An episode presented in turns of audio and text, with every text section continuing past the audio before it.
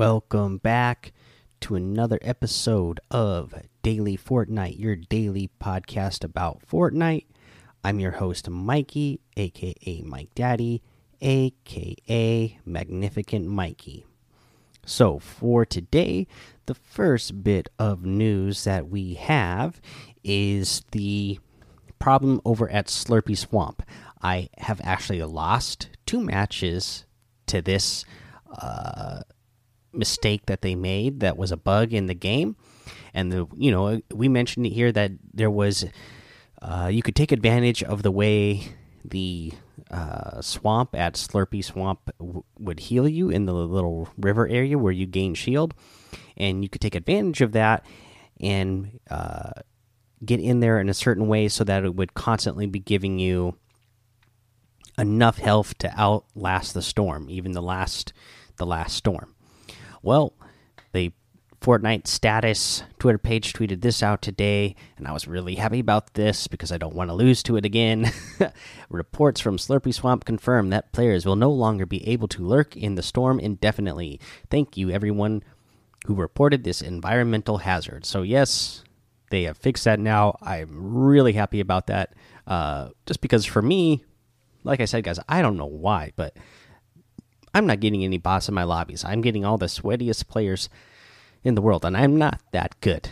Uh, I don't know if it's because I played a lot of arena in the past, and you know I would gain a lot of points because I you know just played smart for for placement points. I never got a lot of elimination points, but I was I would always get a lot of um, placement points, and but now, my goodness, when I play public matches now, I feel like it's it's tougher than when I was playing arena. So I don't know, but uh, you know, so when I actually do get to the end of the round and I come in second place, uh, and it was due to somebody, you know, basically cheating like that, then you know I'm not. Uh, I I, knew, I I, did, I was never very happy about that the two times that it happened to me. So I, I'm glad that it won't be happening anymore.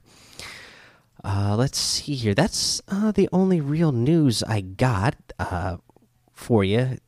So let's go ahead. Let's move on to a weekly challenge tip, and this one is searching the O in the uh, loading screen. Oh, I can't remember the name of that loading screen now. Hold on, let me uh, pull it up real quick so that I can see what the name of that loading screen is.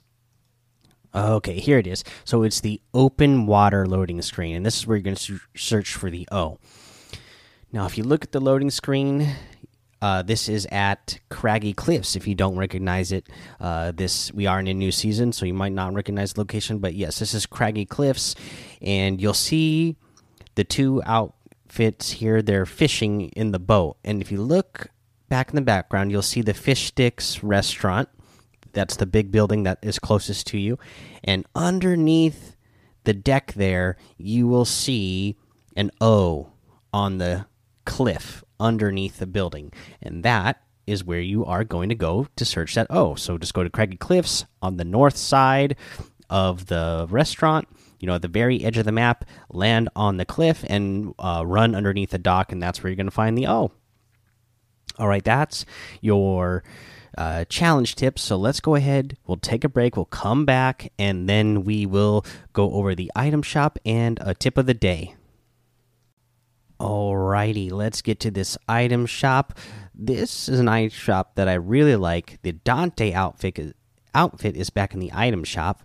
Uh, I really like this outfit. Is again, it is one of the reactive, so it glows in the dark, um, changing from you know a very colorful outfit already to then becoming you know like neon type of colors.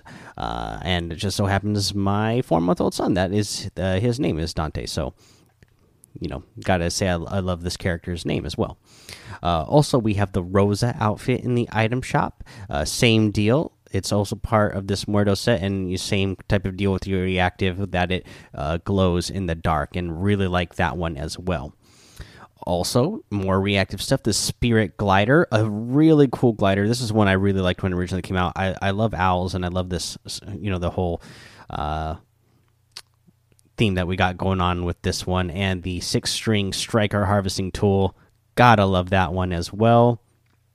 Uh, you have the Dark Vanguard outfit, uh, one of my favorites as well. The Deep Space Lander glider and the Orbital Shuttle uh, glider. You have the Island Vibes emote. This is a new emote where you're, uh, you know, strum a little happy tune.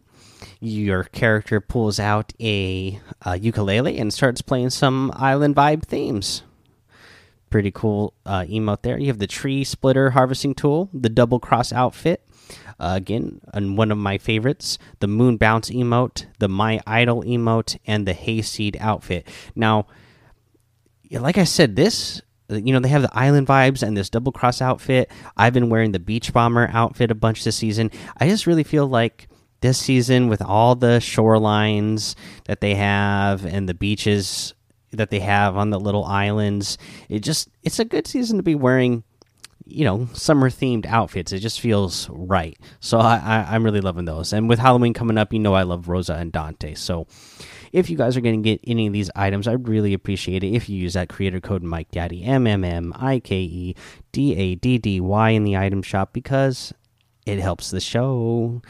Now let's go ahead and um remind you actually before I move on, I want to remind you that you can get double the points this weekend for me anyways. I get double the credit if you if you're buying anything right now during this weekend, I get uh, double credit uh, starting Saturday, which is today, earlier this morning, and Sunday all the way up until Monday morning at 8 a.m. Eastern. So, uh, you know, really good time to use those V Bucks now if you want, and really good time to be getting that battle pass if you haven't already gotten it.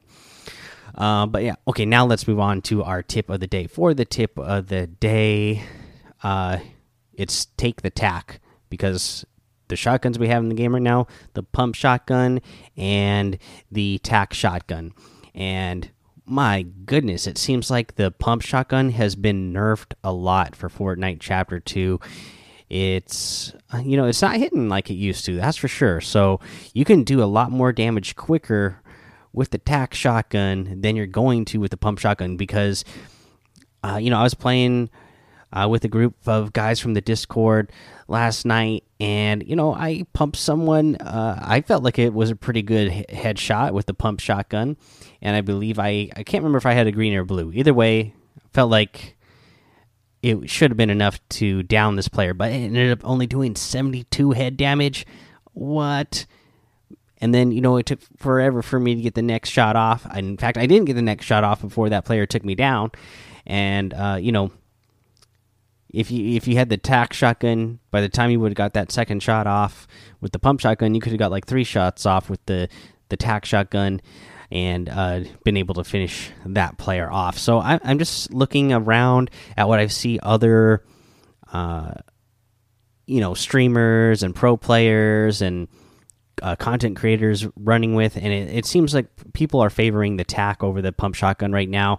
Uh, I used to be a big pump shotgun fan, uh, just because I would, you know, I would usually, you know, I you know, if I get eliminated, I get eliminated, but I I'm fine with being patient and making sure I line up a good shot and getting those headshots with the pump shotgun.